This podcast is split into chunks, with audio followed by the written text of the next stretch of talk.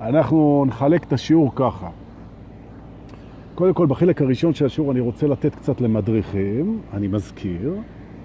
אהלן, שלום רלה, שלום לנירה, שלום לכל שמצטרף אלינו, לכל מי שהצטרף ולכל מי שיצטרף באלפיו, וישתף וישתף, וכך באדוות ובתנודות, האהבה, התדר והמסר יקיף את הגלקסיות. איזה כיף. שלום ליניב ולעמית, ואני רוצה לפתוח בחלק ראשון שיעור למדריכים, משתי סיבות. אחד, בכל אחד יש מדריך. לא להיבהל. שאומרים לכם איזה שיעור למדריכים, הנה, כן, מה מה ביסמוט, מה העניינים?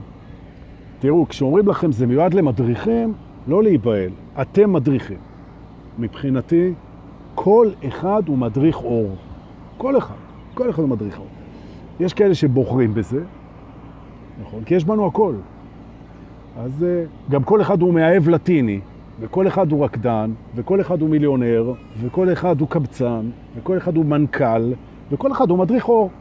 כל אחד הוא אבא, כל אחד הוא ילד, כל אחד הוא אישה וגבר, כל אחד הוא אלוהים, גם. וואו. אבל יותר מעניין אותי מדריכים רוחניים. אז בעצם מדריך רוחני הוא משהו שנמצא בתוכנו, ואני עכשיו קורא לו, בוא, בוא, תוציאו את המדריך הרוחני שלכם, תנערו אותו מהנפטלין, תיתנו לו כמה מכות בתחת שיתעורר, שיעור למדריכים רוחניים שנמצאים בכל אחד ואחד מאיתנו, לא להיבהל, הכל בסדר. נושא השיעור, הכלה פרקטלית. גילי מוסינסון, שים לב, לא אמרתי הכלה רקטלית, כן, אתה, אי, אי, אי, אי, אתה באמת שומע מה שאתה רוצה לשמוע. אמרתי הכלה פרקטלית, אוקיי? הכלה פרקטלית, זה מה שאנחנו נלמד היום בחלק הראשון, ומי שיצטיין בשיעור, שזה כולכם מן הסתם, כל אחד בדרכו, הצטיינות היא סובייקטיבית, אני מזכיר. אז כפרס על הצטיינותכם, אני אקח אתכם סיבוב בקרקרה, ואנחנו נלך לכמה בתים ומחוזות ואחוזות ופארקים ואטרקציות בתוך הממלכה הפרטית של כל אחד ואחד מאיתנו, שבה גם יש את בית המורים הרוחניים, שמשם אני קורא עכשיו למורה הרוחני שלכם להגיע, או במילים אחרות, דורקה, התעצלת לפתוח השנה קורס מדריכים, תודה בזה, התעצלת. לקחת על עצמך תפקיד, עוד תפקיד, להכשיר מדריכים רוחניים, אתה עשית את זה כמה שנים יפה מאוד, והשנה לא, לא לך כוח, אז במקום זה אתה מספן אותנו, וזורק כמה שיעורים למדריכים ויוצא ידי חובתך, כן? כן. נכון. מודה ועוזב ירוחם, וגם זה לפני יום כיפור, אז אני אבקש סליחה ותסלחו לי ונפטרתי מהדבר הזה, זהו. אפשר מהר לעשות חטאים כאלה, מהר מהר חטאים אחרונים לפני יום כיפור. בכלל, יום לפני יום כיפור אפשר לעשות מלא חטאים, כי תק יום כיפור אתה צם וחטאים של הרגע האחרון. נכון. אז בואו נתחיל. מהי ההאכלה הפרקטלית? ההאכלה הפרקטלית, הנה, ניב כהן, אני גם חשבתי רקטלית, טוב. רבים כמו גילי מוסינסון שומעים את מה שהם רוצים לשמוע, והם צודקים גם. גם האכלה רקטלית זה כיף. זה המקום להזכיר שנקודת הג'י של הגבר נמצאת במעלה השוונו, כן? מומלץ לנסות. בבית. זה כן בבית לנסות, אבל בזהירות. עם לובריקציה. אוי, דורקי, אתה היום מיני ומלוכלך. לא רק היום. חופש הביטוי. נכון. אבל זה מטריד מינית את המאזינים, אז אני מפסיק. ואני מבקש סליחה, יום כיפור מתקרב. אז מה, בגלל יום כיפור אתה מרשה ללכלך את הפה? כנראה שכן. אבל יום כיפור זה... אז אני אצום יומיים. בסדר. עוד נעשה live על יום כיפור. עכשיו, הופה, נכון, פרץ פרחי נמצא פה, פרץ, מה העניינים? ואחיו, איתן פרחי. האחים לבית פרחי, הפרחים לבית פרחי. ומי שמכיר אותם יודע, מדובר בשני אנשים מהממים, מצחיקים ומוכשרים, עם לב כזה גדול. נכון. אז שלום לכם. מה היא? די, עכשיו, סקה, סקה, תפסיק להתעסק עם שטויות, דורקה. יש לך פה 80 אנשים בלייב וזה עולה. It, it rise, rise, rise. האכלה הפרקטלית, חלק ראשון. פרקטליות יושבת על הרעיון שבעצם הכל נמצא בהכל. שבעצם כל דבר מכיל בעצם שאלוהות, שהבריאה, שה-DNA של היקום, שהחלקיק האלוהי, ממנו מורכב הכל, והוא מורכב מהכל. הכל נמצא בכל. יש אלוהות, אם תרצו, בכל דבר. זה דומה לזה שבכל תא ותא בגוף שלכם אתם נמצאים. לגמרי. אנחנו קוראים לזה DNA, כן? אבל בעצם אה, המדע עוד לא עלה על זה לגמרי, אבל הוא בדרך להבין שבעצם הכל נמצא בהכל. אפשר מכל דבר לפתח את הכל. זה הרעיון. עכשיו, מהי האכלה הפרקטלית? האכלה הפרקטלית זו דרך בעצם לרפא את עצמנו על ידי זה שאנחנו עושים פעולה של הליכה אחורה במחשבה או ברגש או ברצון או בזיכרון. אנחנו נתרגל את זה תכף. ובגלל שהכל נמצא בהכל, אנחנו בעצם מייצרים, כמו גם ב-NLP, אנחנו מייצרים נתיב, דרך, שביל, חדש להסתכל על הדברים מתוקף זה שסידרנו אותם לפי ההרכבה הפרקטלית. והנה הדוגמה, אני יודע שזה נשמע נורא מוזר, אבל בואו נסביר. הדוגמה הכי טובה זה בתחום הקבלה. כן? כשאנחנו מתנגדים למשהו, אנחנו מיד שמים לב שזה לא נעים. זה לא כיף להיות בהתנגדות. ומלא אנשים נמצאים בהתנגדות למשהו. מתנגדים לממשלה, מתנגדים למיסים, מתנגדים לכאב, מתנגדים לעבר, מתנגדים לשיפוט, מתנגדים לאישה, מתנגדים לעצמם, מתנגדים לשם, מתנגדים למזג האוויר. מתנגדים. וזה לא נעים להיות בהתנגדות, נכון? זה מייצר סבל. כדי להקל את הסבל, אנחנו לומדים במהלך ההתעוררות לעבור ממצב של התנגדות למצב של קבלה. קבלה כרגע. אנחנו מפרידים את ההתנגדות לעתיד ולהווה, אנחנו מקבלים את מה שמפריע לנו כרגע ומנסים לשנות אותו ברצון מול העתיד. ואז האנרגיה עוברת לרצון מול העתיד וקבלה בהווה ונעלם הסבל, או פוחת מאוד. עכשיו, זוהי בעצם החלה פרקטלית. למה? כי בתוך התנגדות, מאחר ובהכל יש הכל, יש גם קבלה. וכל מה שאנחנו עושים, אנחנו בעצם פותחים את הקבלה של ההתנגדות, ואומרים להתנגדות, אני מקבל את זה שאני בהתנגדות. ואחרי שקיבלתי את זה שאני בהתנגדות, ואני לא מתנגד להתנגדות, אני יכול לשנות את זה. נכון. זאת אומרת, ריפוי הוא מחויב בקבלה קודם, וקבלה נמצאת בכל דבר. למה? כי הכל נמצא בהכל. אז בעצם אם אני הולך אחורה ושולף את הקבלה אחורה, זה נקרא החלה פרקטלית, אוקיי? עכשיו ניתן דוגמה לא מהתנגדות, אוקיי? למשל כעס, אוקיי? כעס, אם אני בא לרפא אותו, אז אני יכול לראות שכעס, בבסיס שלו יש הרבה מאוד פחד. בכעס יש תמיד פחד. ה-DNA של כעס יש בו פחד. ומה התגלה? אחרי שנים, עשרות שנים של מחקרים, שבלי אלמנט הפחד, כי כעס זה אנרגיית פחד, היא תוצר של אנרגיית פחד ושיפוט. אז בעצם, אם אני לוקח את הפחד החוצה, כן? ואני מתייחס אל הכעס אחרי שאני מתייחס אל הפחד, ואני שואל את עצמי, כעסתי על משהו, מה פה הפחיד אותי? ואני מרגיע את הפחד, נעלם הכעס. דוגמה, כן? אני מאוד כועס על הממשלה שהיא מצמצמת את זכויות, זכויות סליחה, מההתלהבות, כי אתם מלהיבים אותי. נכון? עם דוד לוי פה. דוד לוי מלהיב אותי, נכון? וגם יובל כהן. אז תודה שאתם מלהיבים אותי, כי באנו להתלהב. עכשיו, אם אני כועס על פעולות הממשלה, שאני רואה שהם מצמצמים לתפיסתי, הסובייקטיבית, והתורה הרבה, את זכויות האזרח, ואני פתאום רואה שאני כועס על ממשלתי. אז אחת משיטות הריפוי זה החלה פרקטית. מה אני עושה? אני מחפש את הפחד. ואני שואל את עצמי, דורקה, זה שאתה כועס, איזה יופי, תודה לאגו שלך שעכשיו כועס. מחיאות כפיים לאגו הכועס. שכעס זה פחד במצ... במסווה של כוח. Okay? אוקיי? הגדרה מעצימה. אז אני מוציא את הפחד החוצה. ואני שואל את עצמי, תגיד, דורקה, מעבר לזה שאתה כועס על הממשלה כאילו סופרים אותך נעבך, כן? נעבך זה מסכן ביידיש, אולי תהיה סוף סוף המורה הרוחני שאתה מתיימר להיות עלק, ותעשה החלה פרקטלית, נכון? ממה אתה מפחד? אז אני מפחד שבעקבות הפעולות האלה אנחנו נחיה בדיקטטורה. מזה אני מפחד.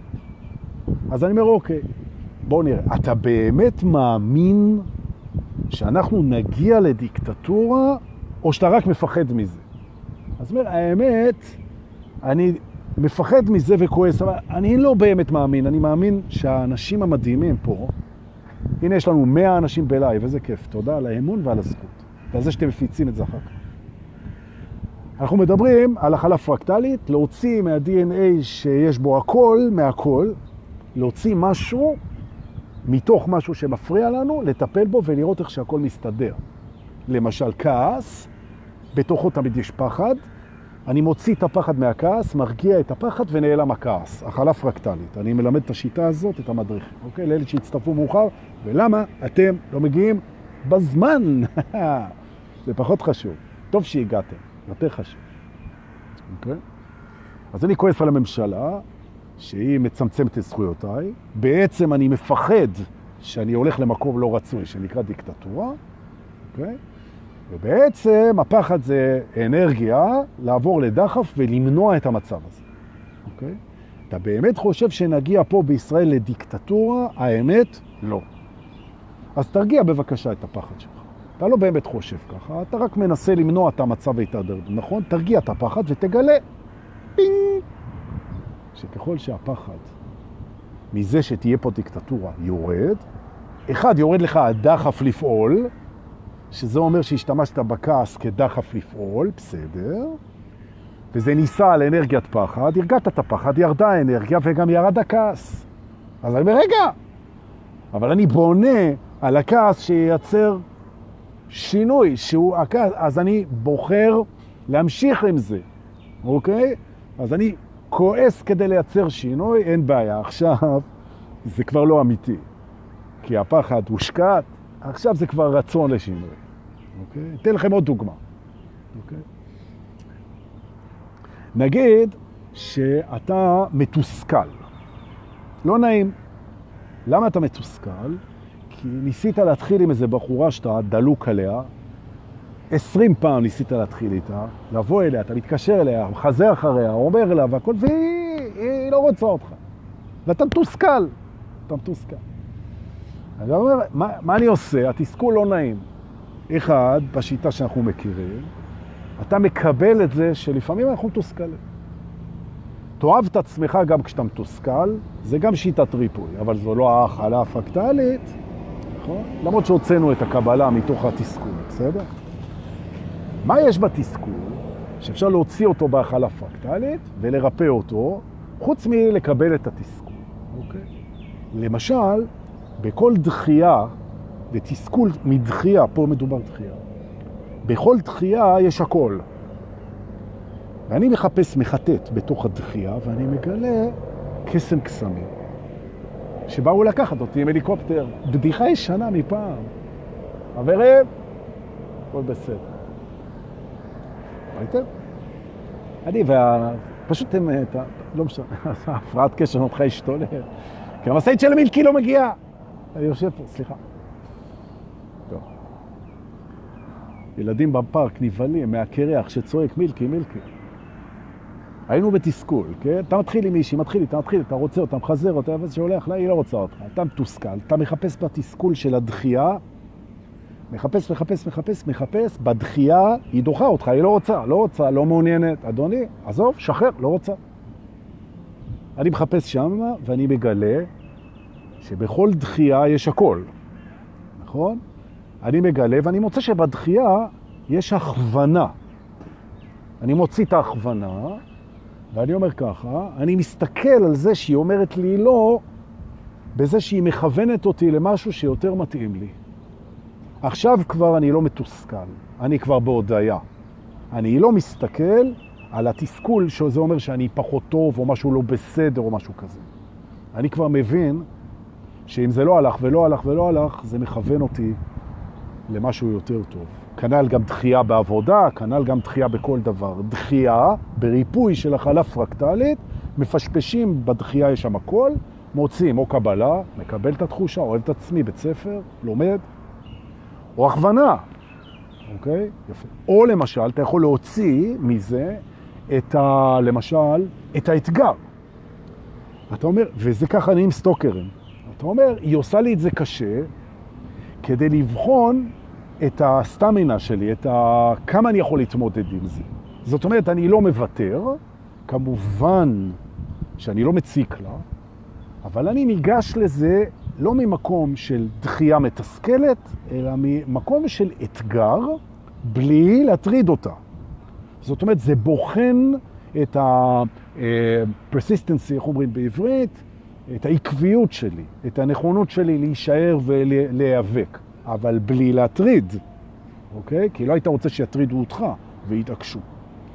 או במילים אחרות, כל דבר שמפריע לנו, בהכלה פרקטלית, אני יכול להוציא ממנו משהו שירפא לי את ההתנגדות. נעשה עוד אחד אחרון, אחרי זה נחלק שוקו ולחמניה ונעלה על הכרכרה. מה אתם אומרים? תראו, בואו נסתכל על הקורונה, אוקיי? הקורונה, בעצם COVID-19, זה מצב עולמי שבעצם מה שהכי קשה בו לאנשים, באמת, זה זה שיש פה אי-ודאות. אי-ודאות מטורפת. מי יודע אם בכלל נחיה, מי יודע אם יהיו כלכלות, מה יקרה, לא יודעים, יהיו סגרים, יהיה פה, איך נסתדר, מה, לא ידעו, העתיד לוט בערפל, נכון? ואגו, שכולנו אגואים, זה מלחיץ אותו, גם אם הוא לא מודה בזה, שזה עוד יותר גרוע. אגו שאומר, אה, זה לא מזיז לי, זה לא זה, אה, אגו נלחץ מלא ידוע, גם האגו שלי, נכון? עכשיו תהיו רגועים, אתם זה לא האגו שלכם, אתם גם האגו שלכם, לא רק, למרות שהוא יגיד לכם רק, רק. אוקיי. עכשיו החשש מהלא ידוע, בקורונה, אם קיבלתם חלילה מכתב פיטורין, חלילה שאתם חולים באיזה מחלה, מישהו שאנחנו אוהבים הלך לאיבוד ולא יודעים איפה הוא, הלא ידוע, אוקיי? פתאום. זה מלחיץ מאוד, זה מפחיד מאוד, ולהרבה אנשים זה גם לא נעים. ובגלל שזה לא נעים, המצב הזה, אז הם מתנגדים, כי זה הדפוס הילדי שלנו. אנחנו מתנגדים למה שלא נעים, ואי ודאות היא לא נעימה לאגו. למה?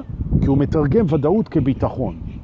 ואת הטעות הזאת אנחנו כבר עבדנו עליה המון בשנתיים האחרונות, ואם תרצו נעבוד על זה שוב, אבל לא פה.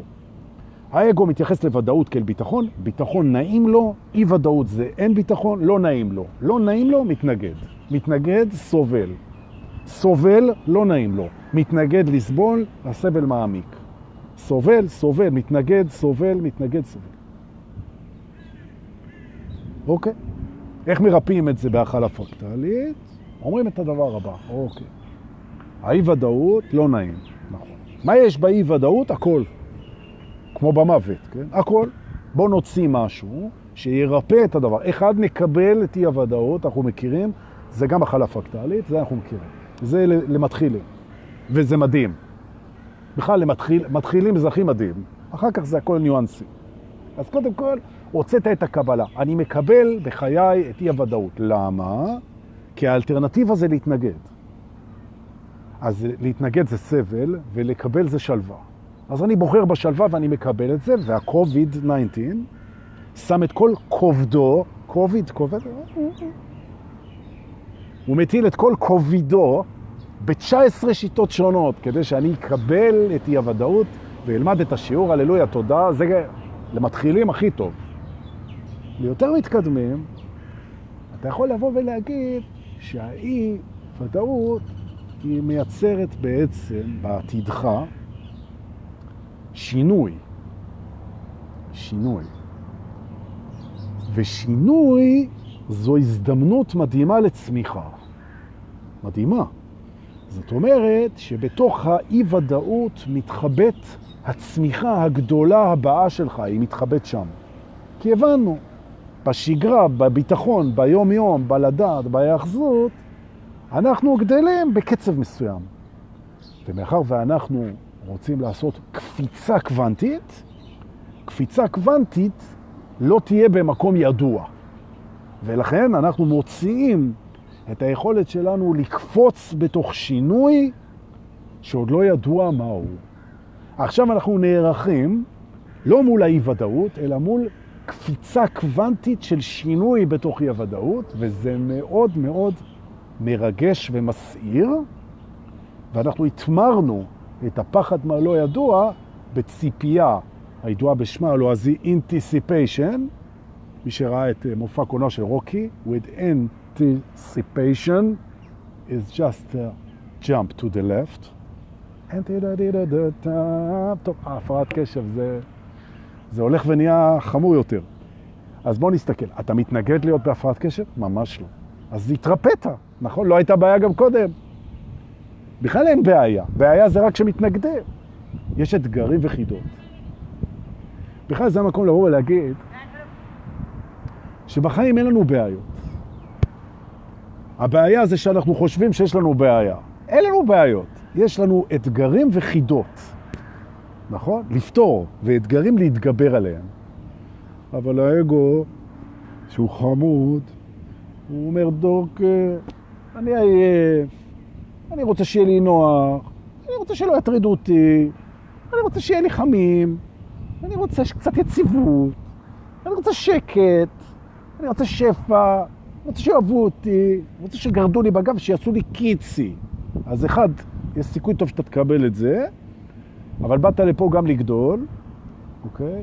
ולגדול זה גדלים בשינויים ובאי ודאות, ותיקח אוויר, יהיה לך זמן מספיק שהתולעים יעשו לך קיצי כשישימו אותך 6 feet under, 6 אמות מתחת, או במקרה יותר טוב מומלץ לכולכם, שריפה. שריפה אחים, שריפה. נכון, ננוח בקבר אומרים. יפה. בואו נפתור חידות ונתגבר על אתגרים. מחר ומחרתיים. שבוע הבא ועוד חודשיים, בשנים הקרובות, יהיה לנו מלא חידות ואתגרים. נכון? איזה יופי. ונגדל ונצמח ונגדל. זה מקום טוב להזכיר לכם מה רוצה עץ. אבל דוקר, איך, איך הגעת לזה? טוב, אז אני לא יודע, הגעתי, אני חייב להגיע איך הגעתי, אני יותר מעניין לאן אני הולך. מה איתן כותב? קוביד 19 בהפוך זה דיבוק, צא, 91 בג... או, איתן פרחי, אני לא ידעתי שאתה בעניינים של וודו יהודי. דיבוק צא. עץ, מה רוצה עץ? רמז, הוא לא רוצה להפוך להיות דף במחברת של דפרון. לא. איך אתה יודע, דורקי? אני לא יודע. אני מניח. מה רוצה עץ? עץ בהתחלה, הוא רוצה לגדול. וכמו שאמר אה, וצדק שלום חנוך, הוא שואף למעלה. נכון? והאדם כמו עץ השדה, הוא שואף למעלה. נכון, העץ, מה הוא רוצה? הוא רוצה לגדול. גם ילד רוצה לגדול. יופי. אז הוא גדל. אחרי שהעץ גדל, מה הוא רוצה? הוא כבר עץ, אדוני. שלום, אתה עץ, כן. מה רצית? רציתי לגדול. גדלת. אתה רוצה לגדול עוד? תגדל. מה אתה רוצה? אתה כבר גדול. מה אתה רוצה? הוא אומר, אני רוצה לתת פירות. אגב, לא כל העצים. אני רוצה לתת פירות. אוקיי. אז אתה נותן פירות. רגע, ניתן למסעית לעבור. איזו מסעית זאת? אה, זו המשאית הרגישה ללקטוז לפניך, של יוטבתה. יוטבתה. אוקיי, יוטבתה זה נכון. אז העץ החמוד, הוא רוצה עכשיו לתת פירות, אז הוא מגדל פירות, יופי. ומה הוא אחרי זה רוצה? כן? אחרי שיש לו פירות, הוא רוצה לתת את פירותיו. ואחרי שהוא נותן את פירותיו, אז הוא רוצה להתרבות, כי בתוך פירותיו נתחבים לו גלעיניו, ובתוך גלעיניו יש את זרע, זרעיו. ואז הוא רוצה להזריע את סביבתו, כמו גם אנשים, ולעשות פרו ורבו של עצים. הוא רוצה להפוך ליער, אוקיי? לחורש. נכון, הוא רוצה להתרבות. והנה, הזמן עובר, הוא גדל, הוא נתן פירות, הוא התרבה, הוא נהיה יער, הוא נהיה ג'ונגל, הוא נהיה לא משנה מה. מה עכשיו? הוא אומר, אוקיי, לגדול ולגדול עוד פעם, לגדול במספרים. אוקיי, ומה עכשיו? ומה עכשיו? ואז אתה מגלה שבאיזשהו שלב, כל דבר, מה שהוא רוצה כשהוא מגיע לנקודה מסוימת, זה להיות מותמר לאנרגיה חדשה. בעצם כל דבר שחי, בעצם הרצון שלו זה להתפתח, להתממש, להתרבות ולהיות מותמר לאנרגיה חדשה. נכון. אז אם נסתכל רגע על האנושות כמו עץ, אז האנושות התחילה, האנושות התפתחה, האנושות פרורבו, האנושות גדלה, ועכשיו נתנה את פירותיה, ועכשיו היא מותמרת לאנרגיה חדשה. איך היא עושה את זה? בכל מיני דרכים. וכדאי להישאר ולראות. נכון. עכשיו, זה ברור לגמרי, למי שמסתכל על זה ככה, ואני לרגע לא אומר שזה ככה. אני רק אומר, למי שבוחר להסתכל על זה ככה, וזו פרספקטיבה, הוא רואה שכשמערכת אנרגטית משתנה לאנרגיה חדשה, מה שלא מסוגל להשתנות איתה, נכחד. הוא מיותר, רידנדנט, כן? הוא רידנדנסי, הוא אף, הוא יוצא, הוא יוצא מהמשחק. עכשיו אנחנו רואים שהאנושות בעצם היא עוברת שינוי מצורת תפיסת מציאות מסוימת של אגואים, של אני נדאג לתחת שלי ואדם לאדם זאב, ובוא נצבור ובוא נשיג ובוא נאחז ובוא נחפש כוח ושלטון ואדמה וגבולות ונפרדות וצבא ונילחם ונכבוש. שלי, שלי, שלי, שזו האנרגיה של העולם הישן, לשלוט. ולנצל את החלשים ולהחליש אותם וליצור מעמדות וליצור נפרדויות וליצור סולמות חברתיים של ניצול ולרכז את ההון בידיים של מעט ושכל האחרים, הבנתם את הסיפור, העולם הישן, ואנחנו דווקא חיים במדינה שיחסית לא מרגישה את זה, אבל מספיק שתסתובב בחלקים של העולם שכן מרגישים את זה, ואתה רואה שם עוני אמיתי, לא כמו שאנחנו מדברים, עוני אמיתי, באמת, שאנשים, מיליונים של אנשים שאין להם מה לאכול, ואין להם מים, ואין להם תנאים סניטריים. בזמן שהצד השני של העולם יושב זורק מיליונים על, משל, צעצועים של נשק ושליטה. אתם מכירים את זה, זה העולם הישן. אמרנו לכם את זה, כשאני אומר אמרנו, אז כל מי שאמר את זה, וזה המון אנשים. העולם ככה לא יכול להמשיך. זה כמו בן אדם שאוכל ולא מתאמן וכועס ומעשן ומנצל וחושש והוא בפרנויות והוא לחוץ, הוא לא, הוא לא יחיה עוד הרבה. ההתקפים יגיעו, המחלות יגיעו, הסרטנים יגיעו, הבעיות יגיעו, התקפי הלב, הוא לא יחיה. המערכת לא תקינה. כדור הארץ והאנושות, הם עושים רפורמה, עושים שינוי. שינוי אנרגטי לחיים שהם אחרים לגמרי. לחיים של חיבור, לחיים של כבוד, לחיים אחד לשני, של שיתוף, של ערבות הדדית, של יצירתיות, חיים יותר איטיים, חזרה להרבה מקומות שבאנו מהם, פחות מלחמות, יותר בריתות שלום, חלוקת משאבים, חלוקה אחרת של המשאבים, סדר עדיפויות אחר לגמרי, כן? הוקעת וחיסול השליטים המנצלים באשר הם, בכל העולם, כן?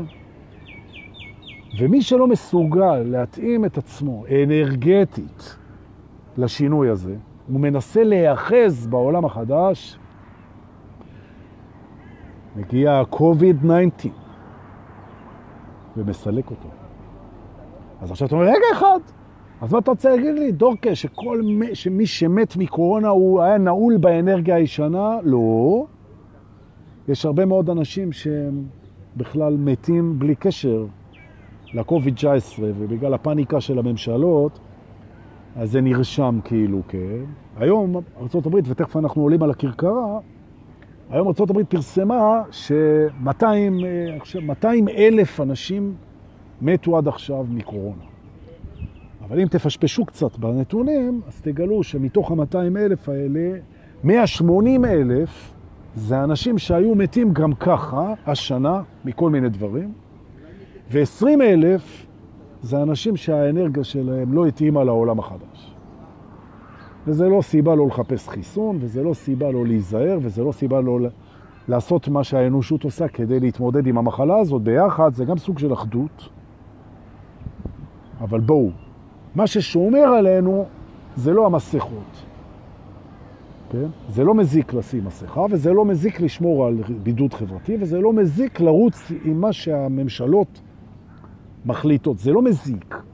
אבל מה שישמור עליכם, ומה שישמור עליכם טוב, זה זה שהאנרגיה שלכם היא תתאים לאנרגיה של העולם שהולך להיות פה.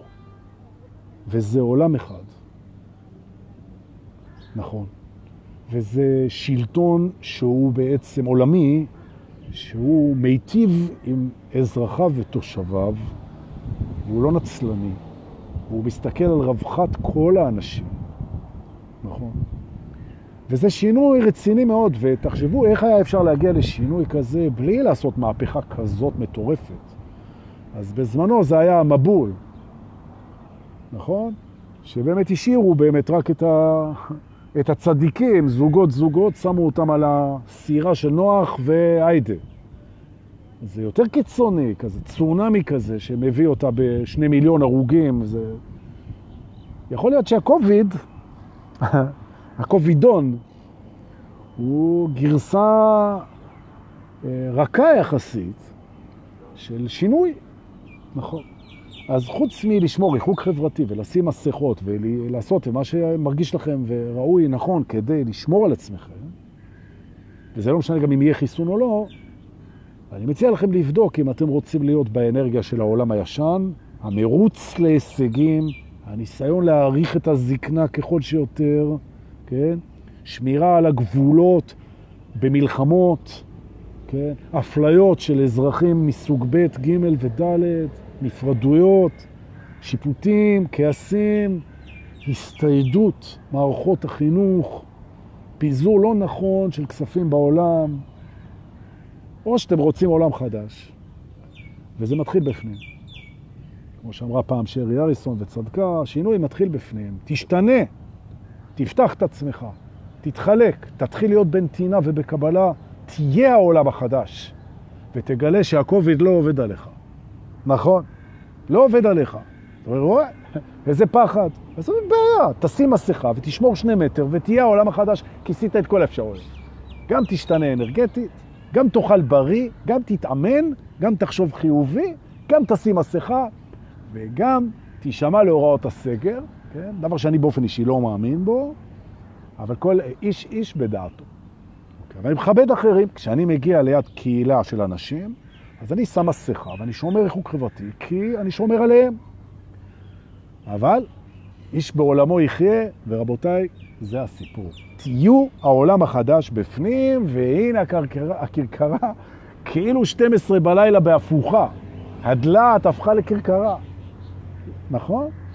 אז הנה ה-COVID-19 הופך אל מול עינינו, עכשיו, לכבודנו, לכרכרה שבה אנחנו נמשיך, לכל אלה שהיו איתי בארבעה סיורים הקודמים, בארבעת הימים האחרונים, אנחנו ממשיכים. היום זה פרק חמישי, אני חושב, ובואו תעלו על הכרכרה ותתמקמו. שימו לב לפעמונים שמצלצלים, לסוסים הערניים. שימו לב שאין שוט. אני אומר לכם, אני הסייס, כן? דור כסייס, כן? על משקל יוסי סייס, כן? דור כסייס. אין שוט, מהסיבה, חוץ משוט קטן של טקילה, אבל אין שוט שזה, מהסיבה הפשוטה שהסוסים, הם נהנים מאוד מהמסלול הזה, והם יודעים אותו גם, ואין צורך להאיץ בהם, או לגעור בהם, או להכאיב להם, הם ייקחו אותנו בכיף. הכל בסדר. זאת אומרת, זו קרקרה של אהבה. וזה כיף. אז בואו, פמפקינים יקרים, פמפקין זה דלעת, כן?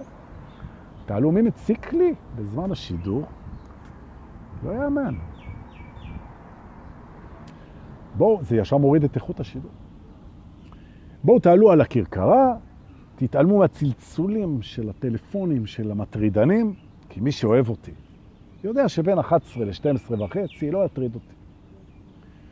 ואנחנו ניגש ישר, without further due, אנחנו ניגש לבית הזמן. רוצה? בית הזמן. והנה אנחנו חונים את הכרכרה ליד בית הזמן, פותחים את השער בדיוק בזמן, בית הזמן, אין מה לעשות. זה מזכיר לי את הביקור בבית של דלי בספרד, שהייתי, זה מאוד יפה, מי שנסע לברצלונה וזה. תלכו לראות את הבית של דלי, בית היצירות של דלי, יש לו הרבה התייחסות לזמן כשהיצירה המוכרת מכולם זה הש... הציור של השעונים הנוזלים, נכון? שזה הציור שתלוי בפתח, בפתח בית הזמן. אנחנו נכנסים לבית הזמן, ודבר ראשון אנחנו מגלים שהגענו בדיוק בזמן. מדהים, לא שנייה קודם מדי ולא דקה איחור. פתחנו את הדלת, את השער של בית הזמן, בתוך הממלכה שלנו שבה, בה, שבה, שבממלכות האלה אתה ואת המלך, כן? זה הממלכות שלכם. ועכשיו אנחנו נעים בתוך הממלכה שלכם, ואתם המלך ואתם המלכה, ואני רק הסייס שלכם. והגענו לבית הזמן ופתחנו, ופתאום מופיע הדמות שמייצגת את הזמן, שמנהל את העניינים בבית הזמן, אדון זמן. גברת זמן היא עוד ישנה, היום מאוחר, כי יש סגר. אז היא חורפת, והיא תקום בזמן. אז אתם פוגשים את בית הזמן, את הנציג של הזמן, והוא אומר לכם, אה, איזה יופי, הגעתם בדיוק בזמן, הללויה. ואז אנחנו נזכרים, באמת גדולה, הכל קורה בדיוק בזמן. הכל קורה בדיוק בזמן. נלך עוד קצת. קצב האירועים ולמה עברתי לקצב? כי מיד אחרי שראינו שהגענו בדיוק בזמן, המארח שלנו זז הצידה ופגשנו שם את הקצב, שזה גם קשור לזמן. ופגשנו שם את מר קצב, לא מר קצב, מר קצב זה קשור לבית האמבטיות. אתם באמת, זה באמת, גילי, אי אפשר ככה. הקצב, רית'ם, טמפו, טמפו, הקצב. לא רק שהגענו בדיוק בזמן, אלא גם קצב הדברים בחיים שלנו, תאמינו או לא, הוא קורה בדיוק בזמן, הוא מדויק. הדברים הם קורים בקצב הנכון. רק מה, האגו, זוכרים את האגו החמוד, הוא רוצה את הדברים בקצב אחר. ובגלל שזה לא קורה כמו שהוא רוצה, את מחפשת חתן להתחתן איתו וזה עוד לא קרה, אז מבחינתך זה כבר מאוחר את לחוצה, או הפוך, כן? רצית עכשיו איזה שנתיים, שלוש לחפש חתן, ויום אחרי שיצאת לחיפוש זה קרה. זה קרה מהר מדי. ילדים, יש כאלה עושים כמוני, ילדים רק בגיל 42, ואומרים, יו, זה נורא מאוחר. זה לא מאוחר, זה בול בזמן. ויש כאלה עושים ילדים בגיל 19, וואי, זה נורא מוקדם. זה לא נורא מוקדם. אם זה קרה, זה קרה בזמן. קצב הדברים הוא מדויק. ולכן אפשר לסלק את ההתנגדויות שיש לנו מול קצב האירועים. נו, זה כבר לא קורה, אני יודע, די עם הטענות. טענות זה תוצר של התנגדות, והתנגדות היא מובילה לסבל. ואנחנו לא רוצים לסבול. קבל את קצב האירועים. אוי, מתי כבר הקורונה הזאת תעבור? היא תעבור בדיוק בזמן. ובאיזה קצב? בקצב הנכון. אבל אני רוצה שזה יהיה יותר מהר. זה בדיוק בזמן אתה רוצה את זה. זה בסדר. קבל את זה. אז מר זמן אמר, הגעתם בדיוק בזמן, ותמיד אתם מגיעים בזמן, לשידור הזה. וקצב הדברים הוא מדויק, ולכן אפשר להירגע. וגם אם אתה נוסע באוטו, וגם אם אתה רוכב על אופניים, וגם אם אתה הולך ברגל, וגם אם הדבר, אתה מחכה בטרמינל, ודברים מתעכבים, כל עכבה לטובה, עכבה זו הכוונה, קבל אותה. איחור זו הכוונה. האצה, אם דברים מתחילים לרוץ מהר, אוי, רגע, רגע, זה בסדר. הקצב הוא אץ.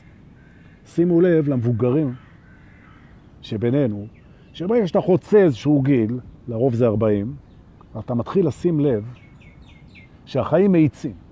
הזמן רץ, כל יום נהיה יותר מהיר, יותר מהיר, זה נהיה מדהים, שנה אחרי שנה, זה, זה טס, זה מצוין.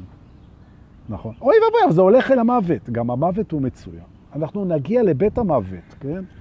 אבל בניגוד למה שאתם חושבים, לא נגיע לבית המוות בסוף, כי לסוף נגיע לבית ההיגיון. אני שומר את ההיגיון לסוף. נכון. אנחנו להיגיון נגיע בסוף. והקצב שנגיע הוא מדויק, ואנחנו נגיע בול בזמן. הבנו לגבי הזמן. יופי. עכשיו בואו נבין ככה. מה שיפה זה שאם אנחנו משתמשים עכשיו באביזר, שאני מפתיע אתכם עכשיו, אם תשימו לב, בצד ימין של החולצה שלכם יש כיס. תסתכלו, כן? בתוך, בתוך הסרט שלנו, כן? ובתוך הכיס יש משקפיים מיוחדים, תוציאו אותם בבקשה. זה כמו בקולנוע תלת מימד, כן? יש משקפיים, תלבשו את המשקפיים, תרכיבו, הרכיבו נא את המשקפיים המיוחדים בבית הזמן, אלה הם משקפי האמת. שבמקומות מסוימים אני רוצה בסיור שאנחנו נשים אותם ואנחנו נשתמש במשקפי האמת כדי להסתכל ולראות משהו שרק כשמסתכלים דרך משקפי האמת רואים אותו. אני רוצה שנהיה בבית הזמן ונשים עכשיו את משקפי האמת, שמתם? אוקיי. Okay. תסתכלו טוב טוב דרך משקפי האמת. אמת זה מה שלא משתנה. אמת לא משתנה. ותסתכלו על הזמן ותגלו שאין זמן. אין זמן. נכון? בעצם אין זמן, אין דבר כזה זמן. נכון? אנשים החליטו שיש ביום 24 שעות, יכלו להחליט שיש 30 שעות, יכלו להחליט שיש 200 שעות, יכלו להחליט שיש שעה אחת. אין זמן. ולא רק שאין זמן, אלא גם זמן זה דבר סובייקטיבי.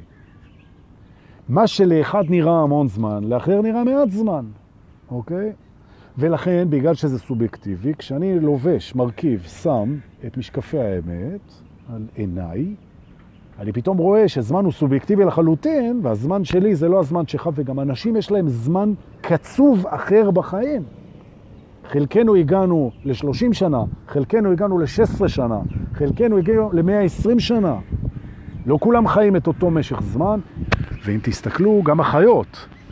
יש פרפרים שחיים שבועיים, ויש צ'יטות שחיות שש שנים, ויש תרנגולת שחיה שנתיים, ויש צב שחי 400 שנה. זמן הוא דבר סובייקטיבי, ובמשקפי האמת אנחנו מסתכלים ורואים, אין זמן. יש עכשיו. ואם נוריד את המשקפיים, אז יש זמן. כי לא היינו יכולים לראות את האמת בלי לעבור דרך השקר, וזמן זה שקר. ולכן בעצם הזמן מאפשר לנו להבין מה זה נצח. בלי זמן אי אפשר להבין. ולכן למרות שאין זמן וההבנה היא לא נכונה, אנחנו כבר קולטים מה זה נצח בזכות הזמן. לכן הזמן הוא שקר, תודה לשקר הזה, הוא חלק מהבריאה. הזמן התחיל כשאלוהים אמר בראשית, כן? בראשית ברא, בראשית, כשהתחיל הזמן, וכשאומרים בראשית ברא, כשאלוהים התחיל לברוא, הייתה התחלה, לזמן יש התחלה ולכן הוא לא נצחי, ולכן הוא לא אמיתי, ולכן גם יהיה לו סוף. מה שיפה בסוף, וגם בהתחלה, זה שהם לא אמיתיים. רק הידיעה של התחלה וסוף מתאפשרת בזכות ההתחלה והסוף, ולכן הידע הוא לא אמיתי, הזמן הוא לא אמיתי, המוות הוא לא אמיתי, כך גם הלידה, אנחנו יודעים את זה באמצעות השקר. השקר הוא לא אמיתי, יש רק יש, אין אין, וכדי לדעת את זה המצאנו את האין, את הסוף, את ההתחלה, את הבריאה. הבנו את העניין בית הזמן. לכן הכל קורה בזמן, הכל קורה בזמן המדויק בתוך הזמן, אין זמן, אוקיי? לא צריך לפחד מהזמן, הזמן הוא לא אויב, אוקיי? הוא סובייקטיבי, הוא לא אמיתי, והקצב של הדברים מדויק לך בול. ועכשיו עם עוד דמות שנקראת הדמות הממהרת. מכירים? יאללה, צריך, צריך, כן? צריך, וואי, מציקים, מציקים. מציקים, מציקים. הדמות הממהרת, אני רוצה שאני אפגוש אותה עכשיו, אוקיי? הדמות הממהרת. זה הזמן היום, 20 ו... וואו, אין לי מושג כמה אנחנו היום, רביעי, 22 בספטמבר, משהו כזה, יום למעלה, יום למטה, אולי 23, 21, 22. אתם תכתבו תכף. ספטמבר 2020, זה המקום שפה פגשתם את הדמות הממהרת שלכם. תסתכלו עליה. את האני הממהר שלכם. זה שצריך להגיע לאיפשהו. לאן אתה צריך להגיע? לאן אתה צריך להגיע? הוא אומר, אני צריך להגיע למשהו. למה אתה צריך להגיע? לאן? לאן? למקום שבו אני אוכל סוף סוף להיות שלב ושמח ורגוע. המקום הזה, חמוד שלי, לא נמצא בחוץ. הנה, 23 בחודש, תודה. 23 לספטמבר 2020, זה היום שבו פגשנו את הממהר שלנו. תסתכלו לו בעיניים, כן? אחרי שהורדתם את המשקפיים של האמת, כי אם אתם מסתכלים על זה בעיניים של האמת, הוא לא אמיתי. אז אה, אין, כן? הוא גם אף פעם לא מיהר, הוא לא קיים. תורידו את זה. תסתכלו לו בעיניים, תגידו לו, תקשיב, חמוד שלי, ספידי גונזלס שכמוך. אני גמרתי למהר. והסיבה שאני גמרתי למהר, פה, בבית הזמן, ב-23 לספטמבר 2020, זה כי הבנתי סוף סוף שהדבר שאליו מיהרתי זה דבר שנמצא בתוכי. מה יש לי למהר? והבנתי את זה בדיוק בזמן, והנה אני בבית הזמן נזכר שהבנתי את זה בדיוק בזמן, תודה רבה. רבותיי, תודה רבה לכם שאתם כותבים את התאריך, אבל אנחנו הבנו, 23 בחודש, הכל בסדר. מי שמרגיש צורך לכתוב את התאריך, זה בסדר, תודה רבה, זה בסדר. זה אהבה. אוקיי? אנחנו לא ממהרים יותר. אנחנו לא ממהרים. אנחנו גם לא דחיינים. אנחנו גם לא דוחים דברים, אנחנו גם לא מאטים את הקצב, אין סיבה. יש קצב של דברים. הקצב של החיים שלך אמור להיות הקצב שנוח לך לזוז בתוכו. ומה לעשות שאם אתה עובד במקום עבודה שרוצה ממך מהר, מהר, מהר וזה לא מתאים לך, תעזוב. והפוך, אם אתה עובד במקום שהוא לאט, לאט, לאט, ואתה רוצה מהר, מה זה לא מתאים לך, תעזוב, או שתשנה את זה. יש לך קצב שבו אתה פורח. יש לך קצב שבו אתה גדל. יש לך קצב שבו אתה מבין. יש לך קצב שבו אתה מתפתח. יש לך קצב שבו אתה סולח. יש לך קצב שבו אתה אוכל, שהוא נכון לך. יש לך קצב שבו אתה ישן, ויש לך קצב שבו אתה רוקד. יאללה. ולכן תתאים את המקום שאתה נמצא בו לקצב שלך, ולא את הקצב שלך למקום שאתה נמצא בו, נכון? כי אתה בורא את עולמך. תתאים. ומותר לך להיות איטי, ומותר לך להיות מהיר, ואתה אל תמהר ואל תאחר. תהיה בקצב שלך. והעולם יסתדר מולך, כי זה עולם הוא הבריאה שלך. זה היה ביקור בבית הזמן. אנחנו עוד נחזור לבית הזמן. נכון? אחלה בית. בואו, תעלו לכרכרה, נהיה מאוחר. בואו נמהר. ממש לא. תעלו, תסתדרו בנוח. אנחנו נוסעים לבית שהוא ממש ליד בית הזמן, קוראים לו בית היעדים, כן? גולס, כן? היעדים, היעדים שלנו, ואנחנו יורדים ונכנסים, המשקפיים בכיס, כן? בית היעדים. אני רוצה שנשים לב שלאגו יש רשימת יעדים. הוא רוצה להגיע לזה, הוא רוצה להגיע לזה, הוא רוצה להגיע לזה, הוא רוצה להגיע לזה. הוא רוצה להגיע לבית, הוא רוצה להגיע לאוטו, הוא רוצה להגיע לעצמאות כלכלית. הוא רוצה להגיע, הוא רוצה להגיע להכרה, הוא רוצה להגיע למימוש, הוא רוצה להגיע והוא רוצה להגיע והוא רוצה להגיע. אני רוצה שתשימו רגע את משקפי האמת בבית היעדים, תסתכלו על כל היעדים שלכם ותגלו דבר מדהים. כל אחד ואחד מהיעדים שלכם הוא בסך הכל אמצעי ולא יעד. הוא תחנה בדרך, הוא לא יעד. כל היעדים שלכם, בלי יוצא מן הכלל, הם בכלל לא יעדים. הם תחנות, הם אמצעים בשביל להגיע ליעד. והקטע הכי מדהים, תסתכלו עם המשקפיים ותראו יחד איתי, שהיעד שלכם הוא מורכב משלושה דברים, והם שלושתם פנימיים. הם שלושתם הרגשתיים. שלווה, שמחה ואהבה.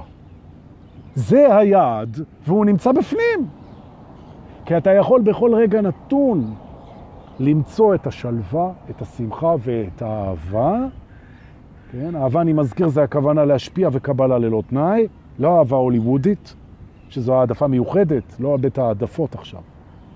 ולכן בעצם הבית המדהים, המצב הכלכלי, החברים, המימוש, זה הכל כדי שאתה תוכל לשבת או לעמוד ולהגיד, טוב לי. למה טוב לי? כי אני שלב, שמח ומרגיש אהבה זורמת. זה ישנו בפנים. היעד נמצא תמיד בפנים, וההווה זהו התמיד. ולכן עכשיו הגעת ליעד, ועכשיו הגעת ליעד, ועכשיו הגעת ליעד, ועכשיו הגעת ליעד, ובעצם אף פעם לא עזבת את היעד, רק האגו שלך מטייל אל תוך הדפוסים שלו ואומר לך, רק כשיהיה לך, רק כשתשיג, רק כשתראה, רק כשתגיע, אני ארשה לך, אומר האגו, ששכח שאתה המלך, רק אז אני ארשה לך אולי להרגיש שלב, שמח ואהוב. תסתכלו עם המשקפיים של האמת על היעדים.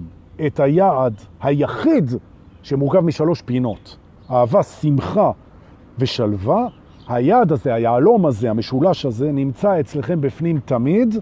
תגידו לאגו, עם המשקפיים, אגו יקר, זה לא יעדים, הבית הזה, זה, זה רצונות.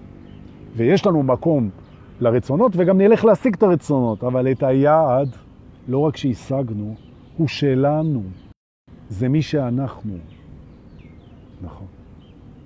גם הנצח, חיי נצח, שקט, שלווה ואהבה ובריאות נצחית, זה מנת חלקנו, זה נכון. אבל לחוות את זה, לדעת את זה, להבין את זה, צריך את הזמן, צריך את האשליה, צריך את הבריאה, צריך את ההתחלה וצריך את הסוף, והיה לנו יעד לפצח את זה, לפענח את זה, והנה הוא לפניכם, תודה רבה. קבל מתנות בביט ובפייבוקס, בשמחה. כמה שווה השיעור הזה? נכון, אבל דורקי, נהיית מסחרי, נכון? אתה צריך, אלא במכולת, אתה... הכל בסדר. הבנו? בית היעדים. ולכן כשהאגו אומר לכם, חבר'ה, לזוז, לזוז, לזוז, אומר, רגע אחד. בקצב שלי, ולא אל היעד, אלא אל הרצון, אל האמצעי. אני הולך אל הדרך, אני לא הולך אל היעד, כי היעד נמצא בתוכי, זה היעד הולך. הבנת? עכשיו, לא פלא שלא מצאת את היעד. איך תמצא את היעד? אתה היעד.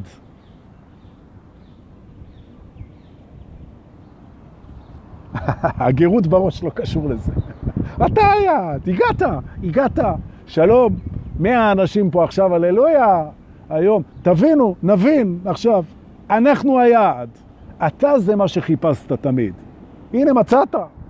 זה היה איתך כשנולדת, זה יהיה איתך כשאתה תמות, או יותר נכון, כשהאגו והגוף שלך ימותו. והכל בסדר. תנשום. ועכשיו ננשום כמו מי שהגיע אל היעד. לרגע אחד נצא מהשטויות של האגו, שחייבים להשיג, חייבים, מה יהיה, מה היה, מה יהיה, איפה אני, מי אני, מה, בוא, שקט, ננשום. אני היעד, מצאתי את היעד. אני שלב כי אני מקבל את עכשיו בלי התנגדות. אני שמח כי אני מעדיף את הרגע הזה על כל רגע אחר. נכון? ואני אוהב כי אני רוצה בטובתי ובטובת השיקופים שלי, מקבל ונותן בלי הפרעה. נושם. הגעתי ליעד. איך אומרים בווייז? הגעת ליעד. להתרווח. אמרו לכם תמיד, המורה שושנה אמרה, אל תנוחו על זורי הדפנה, לא לנוח על זרי הדפנה, נכון? בדיוק הפוך. לנוח על זרי הדפנה בבקשה. נכון? זה מה שאנחנו עושים עכשיו.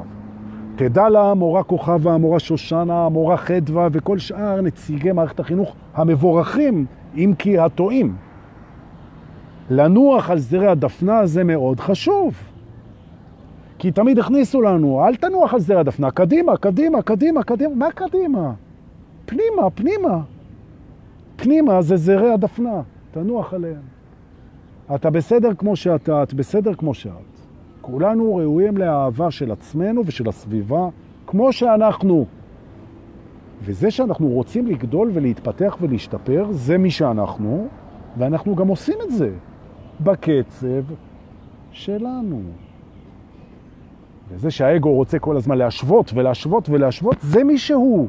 לחבק אותו, לאהוב אותו ולהגיד לו, ששש, תשווה בשקט. אני נח על זרי הדפה.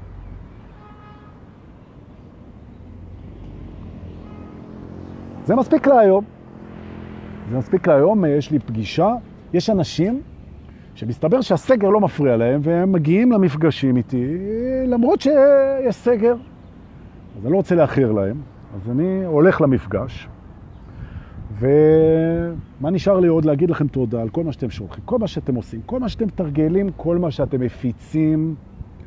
תארגנו את התדר שלכם לתדר החדש, תעשו ספורט, תנשמו, תדברו עם אנשים, תכתבו, תיצרו, תגדלו בפנים, תנצלו את הזמן, תלכו לים, תרקדו, שלחו לי מתנות בביט ובפייבוקס, והכי חשוב, תשתפו.